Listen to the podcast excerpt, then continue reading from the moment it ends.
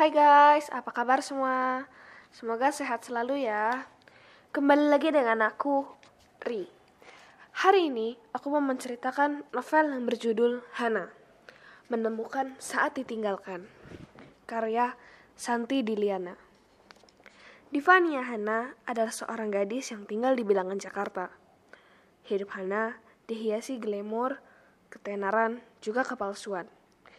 Hana selalu harus siap sedia dengan kondisi apa pun, agar tampilannya tetap menarik saat ada orang yang memotretnya dan memasukkannya ke Instagram. Kini, Hana sedang tenar.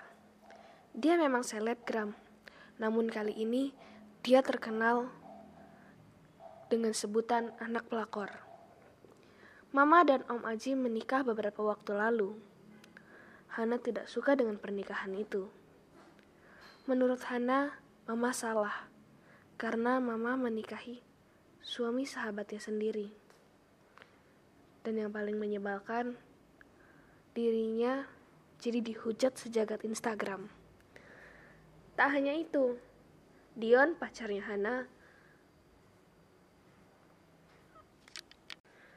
juga membuat Hana pusing sebab Hana melihat Dion dan Marsha, sahabatnya, jalan bersama. Maka pada pertemuan berikutnya, Hana tidak kaget saat Dion memutuskannya. Minggu sore ini, ternyata Om Aji datang ke rumahnya. Hana yang tidak suka dengan Om Aji menunjukkan sikap yang buruk pada Om Aji. Karena tak tahan, Hana akhirnya kabur ke sekolahnya. Ia berniat untuk loncat dari atap sekolahnya. Niat itu ia enyahkan saat mendengar akal sehatnya menolak. Ditambah, Alan mengingatkan Hana bahwa hidup ini memang berat. Tak ada yang bilang hidup ini akan mudah. Setelah mendengar kalimat penyemangat dari Alan, juga sebatang coklat, Hana kembali ke rumahnya. Dengan terpaksa, Hana ikut tinggal di rumah Om Aji, dan Hana semakin dekat dengan Alan. Sejak kepindahannya ke rumah Om Aji, Gia dan Ikrar seakan menjauhinya. Ikrar, anak pertama Om Aji, harus pindah ke apartemen. Ternyata Ikrar menyukai Hana. Namun Ikrar harus membunuh perasaan itu, sebab Ikrar melihat hanya mama yang dapat membahagiakan Om Aji. Dan menurut Ikrar, hubungan antara ibu kandung Ikrar dengan Om Aji emang sudah buruk. Tidak ada harapan agar mereka bisa kembali. Semakin hari, Hana berubah semenjak kenal Alan, ia masuk ekstrakurikuler Rohis. Hingga suatu sore, Tiara, sepupu Alan, menyampaikan hadiah sebuah kerudung dari hamba Allah.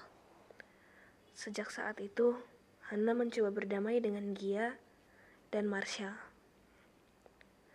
Sepuluh tahun kemudian, saat reuni SMA digelar, Tiara menawarkan Hana untuk ta'aruf. Hana ingin menolaknya. Sebab dua kali ta'aruf ia gagal. Yang pertama gagal karena kecelakaan dan yang kedua tiba-tiba dibatalkan sepihak. Tak hanya itu, Abinaya Kalandra masih memenuhi pikirannya. Tapi katanya kalau ada yang meminta ta'aruf dan agamanya bagus, tak boleh ditolak. Maka Hana pun mendapatkan amplop berisi CV. Sebelum pulang, Hana sempat bertemu Alan. Di pertemuannya itulah Hana tahu bahwa ternyata dulu yang memberinya kerudung itu adalah Alan dan Alan pula lah yang akan menjadi pendamping hidupnya. Dari skala 1 sampai 10, aku kasih buku ini nilai 10.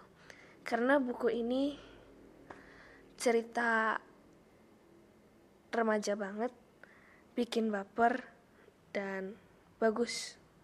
So, kalau kalian mau tahu detailnya, kalian bisa langsung beli bukunya. Kak Santi Diliana yang berjudul Hana, menemukan saat ditinggalkan.